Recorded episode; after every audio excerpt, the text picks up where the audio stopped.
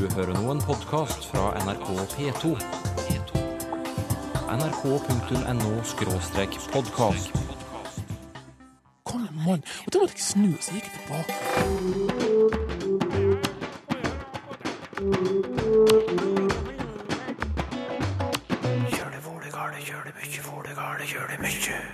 Grammatikkundervisning har ikke like høy stjerne hos alle. Det er jo tema mange som har argumentert for å få fjerna grammatikken helt fra skolen. Denne setningen er forbudt i Frankrike. I lush you. I love you. I love you. Og hvor mange sorter soll kjenner du til? Jordbærsoll, blåbærsoll, tytingsoll og ostesoll. Hva husker du av grammatikkundervisningen på skolen? Ikke så veldig mye. Kanskje nynorsken. Det var andre regler med andre endinger i bøyning av substantiver. Hva lærte dere i grammatikken? Det.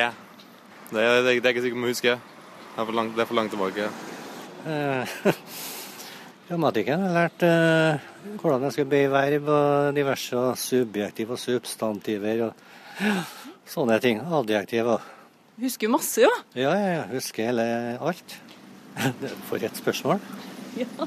Nei, jeg syns det er litt vanskelig. Men det er òg å, å komme etter eller foran men akkurat nå, det husker jeg ikke på.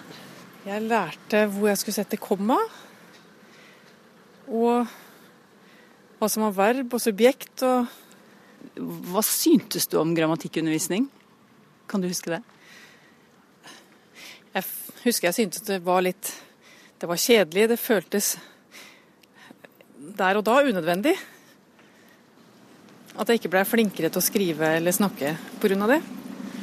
Nei, hvor nyttig var det egentlig med setningsanalyse og pugging av konjunksjoner? Synet på grammatikkformidling i klasserommet har iallfall endret seg i løpet av de siste generasjonene. Og dette er tema i en masteroppgave som ble levert ved Høgskolen i Sør-Trøndelag før sommerferien. Kjellbjørn Karsrud har bl.a. tatt for seg alle læreplanene for norsk grunnskole fra 30-tallet og fram til i dag. Og han har sammenlignet det de sier om undervisning i grammatikk. I den første læreplanen fra 1939 er det lagt stor vekt på emnet. Det er lagt ganske konkrete føringer på hva en skal jobbe med. Nesten instrukser på hvordan en skal jobbe med grammatikk da, etter de ulike årstrinnene. Kan jo nevne f.eks. at det, det står at en skal jobbe med eh, norske grammatikalske omgrep. Altså at en skal eh, legge dem fram på norsk, de lavere årstrinnene. Og så skal en gå over til eh, latinske nemninger utover fra fjerde klasse og utover. Kjellbjørn Karsrud sier at disse grundige beskrivelsene fra 1939 står i kontrast til dagens læreplan i norsk. I Kunnskapsløftet så er det nok eh, noe mer uklart eh, hvordan en skal jobbe med grammatikk. En må kanskje tolke mer, leite litt mer lupe. Hva er det egentlig en ser for seg at en skal gjøre da, etter de ulike årstrinnene? Nei, i dagens læreplan finner vi ikke lenger detaljerte instrukser om grammatikken. Men det står at eleven skal få kunnskap om språket som system og språket i bruk. Og hva betyr nå det? Det handler da litt om å koble den kunnskapen elevene får om språket som system, til eh, konkret sin egen språkbruk. Kanskje ved å i større grad ta utgangspunkt i deres egne tekstproduksjoner, i stedet for å jobbe med eh, løsrevne eh, setninger og setningsanalyser som de kanskje ikke klarer å overføre eh, til sine egne arbeid. da. Fra regel- og begrepspugging til å ta utgangspunkt i elevenes egne tekster. Noe har tydeligvis skjedd underveis i synet på grammatikkundervisning, siden den første læreplanen kom for 75 år siden. Kjellbjørn Karsrud oppsummerer utviklingen slik. Og eh, det er jo det at en eh, hele tida har sett eh, for seg at grammatikken skal være et virkemiddel for å oppnå noe annet En kan f.eks. se i 1939-planen at grammatikken skal være noe som kan hjelpe elevene til å bli bedre beherskere av morsmålet sitt. Og videre så kommer jo da også det her med fremmedspråk inn i læreplanene med innføring av ungdomsskolen. Og da er jo det også nevnt med at grammatikken skal være til hjelp for å lære fremmede språk. Dette er, står seg til ganske langt ut på 70- og 80-tallet, men da begynner det å komme veldig mye forskning som viser at dette her ikke stemmer. Er, grammatikken har ikke noe effekt for verken det ene eller det andre. Og det kan til og med ha en negativ effekt. Det er store metastudier og store kvantitative data som ligger til grunn for dette her.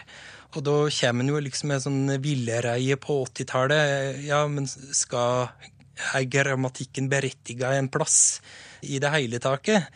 Ja, det er noen som mener at dette er viktig for allmenndannelsen, så vi må bevare grammatikken for grammatikkens egen del. Mm. Men eh, løsninga på dette her kommer jo da med M87, og da blir det argumentert med dette at grammatikken kan være et metaspråk, altså et språk om språket. Du nevnte for meg at grammatikken har blitt kalt norskfagets hellige ku. Hva ligger i det? Nei, det ligger vel litt da at eh, grammatikk alltid har sett på som en vesentlig del av morsmålsfaget, eller iallfall eh, ganske så lenge, og at en eh, syns eh, at dette ser ut som noe som er trygt og greit, eh, som en jobber med da iblant. Eh, og han har kanskje vært redd for å stille spørsmål om eh, grammatikken, og hvilken eh, nytteverdi en skal ha utover seg sjøl, da. Og det er vel først nå da i seinere tid at det har dukka opp forskning som viser at grammatikk da kan ha en positiv effekt på elevenes lingvistiske kompetanse eller skriveferdigheter, hvis det blir undervist på ja, det vi kan kalle en funksjonell måte, altså at du linker språksystemet opp til språkbruk. Så en, en ny vår for grammatikken i skolen, på, med andre ord? Ja, vi får nå håpe det. Jeg vil jo tro det at de fleste lærere er glad for å høre at grammatikken fortsatt er liv laga, liksom tanke på det her. og kan ha en nytteverdi for elevenes egen tekstproduksjon. Ja, for det er som Det er vel kanskje noen som har stilt seg spørsmålet trenger vi egentlig å lære grammatikk? Ja, det er jo klart det er veldig mange som har gjort det. Og det er jo tema, mange som har argumentert for å få fjerna eh, grammatikken helt fra skolen. Eh, når det ikke er gjort, så kan det jo hende at det henger sammen med tradisjonelle forestillinger om at eh, grammatikk har en eh, nytteverdi. Altså, jeg tror da at hvis vi går på gata og spør folk om eh, hva grammatikken eh, kan være til hjelp med, så vil vi få ganske mange formeninger om det. Det tror jeg også. Kjellbjørn Karsrud har skrevet masteroppgaven om grammatikk ved Høgskolen i Sør-Trøndelag. Det er ikke bare her i landet vi lar oss hisse opp over engelsk innflytelse i norsk. I Frankrike har et spesielt slagord skapt voldsom debatt. Det er nemlig forbudt å bruke engelsk i reklametekster, bare fransk er tillatt. Men den lille byen Loche blir allikevel markedsført på frenglish. Og da blir det bråk. Min svenske kollega Johan Tolgert tar oss med til Loche. I lush you. I love you. I love you. I love you står det med stora bokstäver på välkomstaffischen vid infarten till staden Lush, konstaterar jag och Jacqueline och Alain. Paret har förblivit mina vänner ända sedan de passade min son när han var liten pojk.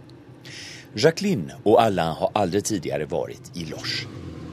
När bilen är parkerad kommer jag snabbt i kontakt med en butiksinnehavare. Han heter Benoit och jag frågar vad han tycker om det så omtalade uttrycket I lush you. Vars innebörd förstås betyder I love lush. Fast lite omstuvat alltså. Je suis pas fan. Qu'est-ce que vous aimez pas là-dedans Je trouve que c'est pas très très heureux, c'est pas la sonorité pas pas fantastique. Jag gillar det inte, säger 25-årige Benoit som öppnar sin butik efter att ha haft lunchstängt i två timmar. Han ogillar att det är ett engelskt ord som smyger sig in i franskan. Ett par tonåringar ska ut och lördagsshoppa. De tre 15-åriga tjejerna tycker dock att I lost you är jättekul. I lost you. On. Vi tycker lika mycket om uttrycket som vi älskar vår lilla lugna stad, säger Andrea, Carla och Lilo. Flickorna känner förstås till att uttrycket utlöst polemik. Alla människor är dock fria att tycka vad de vill, säger de. Oui. Oui. Bah non, mais euh, après chacun son avis, mais... Euh... När borgmästeriet i Lars skulle göra publicitet för sin stad bad man häromåret en reklambyrå om hjälp. Den föreslog I Lars You på franglish, alltså på franska och engelska. I kampanjen finns en logo och på den ser man ett rött litet hjärta så att man verkligen förstår att innebörden är Jag älskar Lars. Valérie Gervais, som är chef på turistbyrån, gillade inte idén, i början i alla fall. C'est vrai que nous, tous les deux, on s'est dit, oh, donc bon. Ja, vi tyckte att det var synd att blanda in ett engelskt ord i reklamkampanjen, säger hon. Men när borgmästaren genast sa ja, ja, då kunde vi ju inte annat än acceptera och nu så tycker jag idén är kul, säger hon. Det dröjde dock inte länge innan polemiken tog fart i rikspressen, bland invånare, journalister, språkvetare och till och med bland politiker. Många ogillar att slogan är på franglish. Och många påminner också om att det i Frankrike är förbjudet att blanda olika språk in i reklamsammanhang. Ja, 1994 stiftade den dåvarande högerregeringen igenom en lag som går ut på att all reklam måste enbart vara på franska. Det är sant att lagen förbjuder vår slogan, erkänner Valérie Gervais på turistbyrån. Oui, bien, tant pis. Trop tard. Trop tard. Tant pis pour tout. Men nu är det för sent. Ibland måste man vara lite olydig, menar hon. Fast olydighet bør straffes, tycker man inom flera språkföreningar som också blandat sig i debatten. Närmare 60 000 fransmän är medlemmar i organisationen Défense de la langue française, försvar av det franska språket. Organisationen övervakar så att lagar och förordningar gällande franskan respekteras. Chefen för regionen där Lars ligger, La Touraine, han rasar. Alors, euh, il y a ce interdit, c'est-à-dire que nous appuyons, il y, a, il y a la loi Jacques Toubon, hein, qui date de 1994, qui euh, Man måste följa lagen, annars blir det anarki, menar Christian Massé. Alla människor på vår jord bör vårda sitt eget modersmål, tycker han. Språkföreningen har stämt kommunen Lors och det ska bli domstolsförhandlingar i framtiden. Men, tillägger Christian, tro nu inte att jag är gammalmodig. För jag, liksom många andra, har inget emot att tala engelska, säger Christian och ger ett riktigt härligt exempel på hur Shakespeares språk kan låta med fransk accent. I speak a little English because uh, the mother of my children Christian Massé, som förresten är författare bakom flera historiska böcker, berättar om en massa ungdomar i språkföreningen Défense de la langue française. De ogillar att man ger det engelska språket mer makt och tycker inte om uttrycket I lost you. Ungdomarna tycker att det är orättvist att enbart ett och samma språk styr i Europa. Christian Massé har faktiskt blivit mordhotad för att han tar ställning mot Lors reklamslogan. Vem som står bakom hotet vet han ikke. Saken er dock polisanmäld. Mina venner Alain og Jacqueline som jeg har rest hit med, de uppskattar den gamla vackra staden. Men de tycker dock at I Losh You låter litt fånigt. Non, non, j'aime pas. Non, j'aime pas du tout. Parce que ou c'est I love you, on change pas le Losh, c'est loche, c'est pas loche you. I Losh You betyder ju inget, påminner Jacqueline om og Alain nikker instämmande. Då hade det ju grammatiskt sett varit mer korrekt med I Love Lars, säger hon. Jag talar med flera britter som bor i staden. De tycker att det vackra franska språket förstörs av I love You. Men amerikanska turisten Nancy, hon är entusiastisk. Det hörs här? Yes, it's a really cute campaign. I happen to just have bought a shirt with uh, I lost you written on it. Reklamen är så söt, tycker Nancy, som precis har köpt en t-shirt med I love You och det röda hjärtat. So I'm a Losh enthusiast. Efter en dag i Losh har vi besökt slott, museer, tesalong, kyrkor, lyssnat på flera gatumusikanter och pratat med många, många invånare. Min vän Jacqueline säger att inte trodde hon att Losh skulle vara en stad värd att besöka. Hon påminner om att den är okänd i Frankrike. Kanskje er det just derfor man lanserat kampanjen I Lars You. for i konkurransen av andre steder med vakre slott i Loiredalen som ligger straks inntil, så er kampen om turistene mye tuff. Og takk vare polemiken taler man nå om Loche i hele Frankrike som aldrig förr. Ils essayent d'attirer le touriste en changeant, en appelant I loche you. All reklame er god reklame, heter det. Reporter Johan Tolgert hadde besøkt Lors, byen med det omstridte slagordet. Det blir kveld, og så blir det morgenkveld, og så blir det enda en kveld hvis ikke jeg blir klein. Siden jeg sitter her og er litt småsulten, tenkte jeg vi kunne ta et matrelatert eh, spørsmål først i dagens lytterspalte, Tor Erik Gjenstad. Henrik Kvisgård spør om ordet soll er brukt i flere sammenhenger enn om melk med flatbrød. Ja, der har du soll, ja. Det er jeg vant med fra oppveksten. Flatbrødsoll eller brødsoll. Eh, Som er sammenrørt av eh, mjølk, eventuelt sur mjølk, og flatbrødbiter. Eh, Det finnes andre typer, ja. Blant annet så har du matretter av mjøk, som vi sier mjølk, med forskjellige sorter bær, og eventuelt annen smakstilsetning, da. Så det er snakk om bærsoll og jordbærsoll, blåbærsoll, tytingsoll og moltsoll, for å nevne noen. Så det er jo eh, ei slik blanding. Og så er det noe som heter eh, ostsoll, eller ostesoll. Og da er det jo da biter eller klumper av fersk ost, og i da mjølk. Så det blir soll av det. Og du har òg et uttrykk som er belagt, det er vel fra Telemark og Setesdalen, det er å, å dette i soll. Og det betyr å gå i småbiter. Dette i knas, altså. Du har jo det her eh, flatbrødbitene i den vanlige, typiske flatbrødsollen. Hei fra Danmark, skriver Signe Hilde Jørgensen til oss. Og så fortsetter hun. Jeg mistenker at min far fra Gjerstad, eh, og det er i Agder, at han finner på ord som det passer ham. Eksempel brukte han ordet fjagg om en gutt som jeg var kjæreste med da jeg var ung.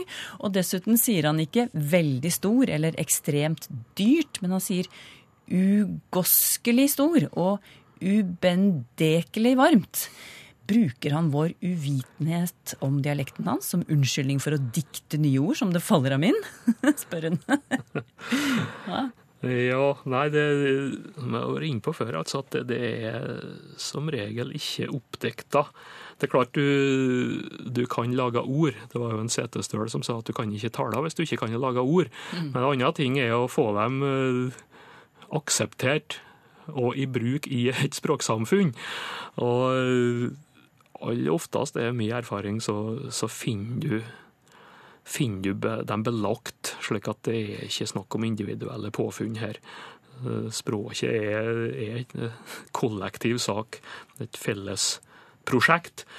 Og det her, For å ta det her med fjagg da først, så finnes jo det både om en liten gutt og om eh, mannlig venn eller kjæreste. Gromgut. Store deler av østlandsområdet, og det går òg videre ned i Agder, da også over på Vestlandet. Fjaggen min, hun skal ut med fjaggen sin, eller fjeggen. Opprinnelsen der det kan være at det starta ut med et ord fagg, som betyr bylt eller klump, men også en klossete mann. Og så har det fått et innskudd av je, som oss av og til ser, som kan være nedsettende, men også en slags kosefunksjon. Så det er fjaggen. Og så kommer de her eh, forsterkende ordene ugoskelig. Den eh, er kjent, ja, det er en variant på ugodsleg. Men den formen forma er ugoskelig, ugoskelig.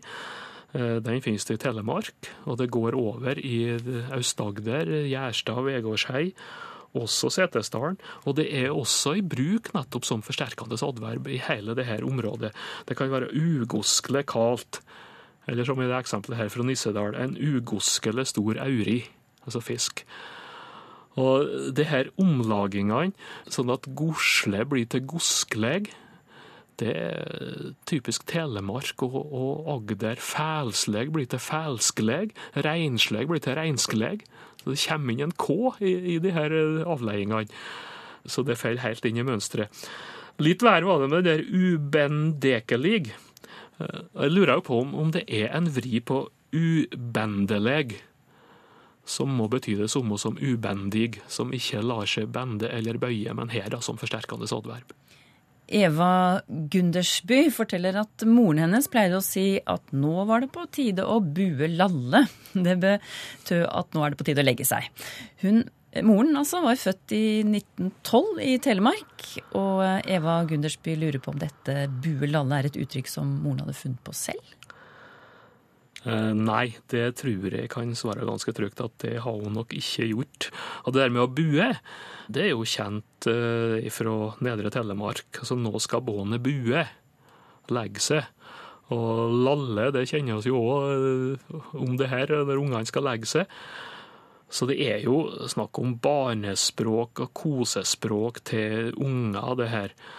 Og det, det finnes videre kring. Bua båndet fra Solør.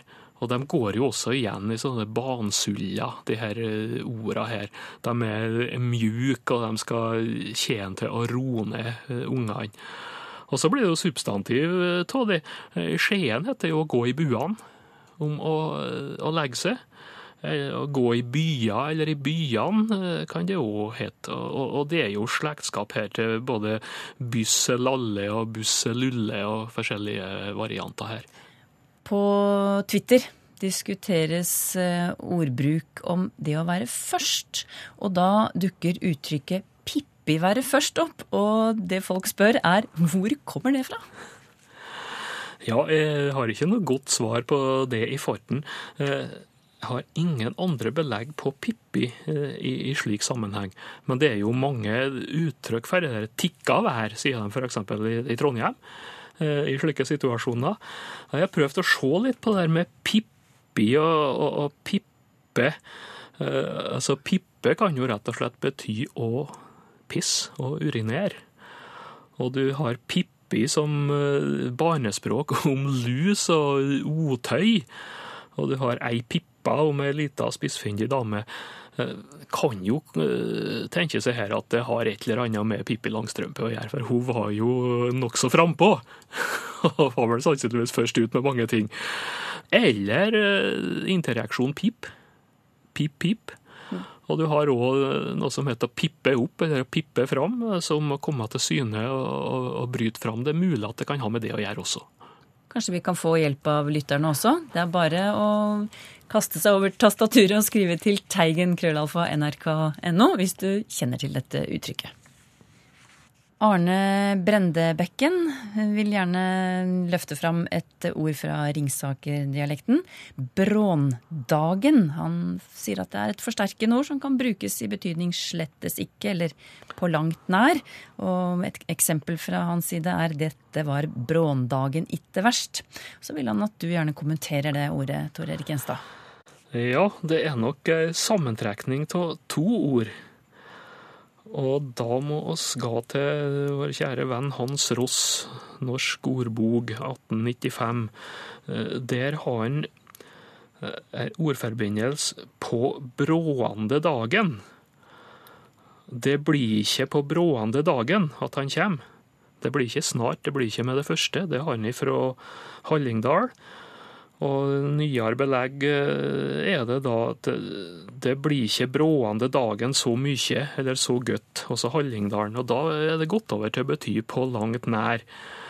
Så det er sammendraging av brående dagen til bråndagen. Og du har noe av det samme med brått. Du kan ha uttrykksmåter som at det var ikke brått så mye. Altså det var ikke på langt nær så mye. Uh, og det er det her området her, uh, litt indre Østlandet. Ringsaker, Sør-Gudbrandsdalen, uh, Toten, Hallingdalen. Jeg har et eksempel her fra Øyer. Det er inte bråendedagen nok murstein åt fjøset. Altså ikke på langt nær. Så det har glidd i betydning, trukket sammen til ett ord og, og fått ei ny betydning. Hans Ross har også ei forgreining til Vestfold med inntil brånadags så mye. Men altså, utgangspunktet brående dag med det første, og så går det da over til å bety på langt nær, eller slettes ikke. Det er en interessant utvikling. Jeg kan jo nevne mer konkret betydning til det med brå, brå dag. Mor mi, Øksendalen på Indre Nordmør, hun sa det at det blir ikke ei brådago med en dativ flertall, og det vil jeg si at da, da, blir det ikke med det første. Det kommer ikke til å ha noen hast med det her. Har du spørsmål til Språkteigen? Skriv til Teigen, krøllalfa nrk.no, eller til Språkteigen, NRK P2, 7005, Trondheim. Så finner du oss også på Twitter og på Facebook. Er det noen norske lyder du synes er vanskelige? K kan være vanskelig. Å, T og P. Kinkige lyder for en bulgarer, men det finnes et dataprogram som skreddersyr norskøvelser, alt etter hvilket morsmål du har. Språkteigen om en uke.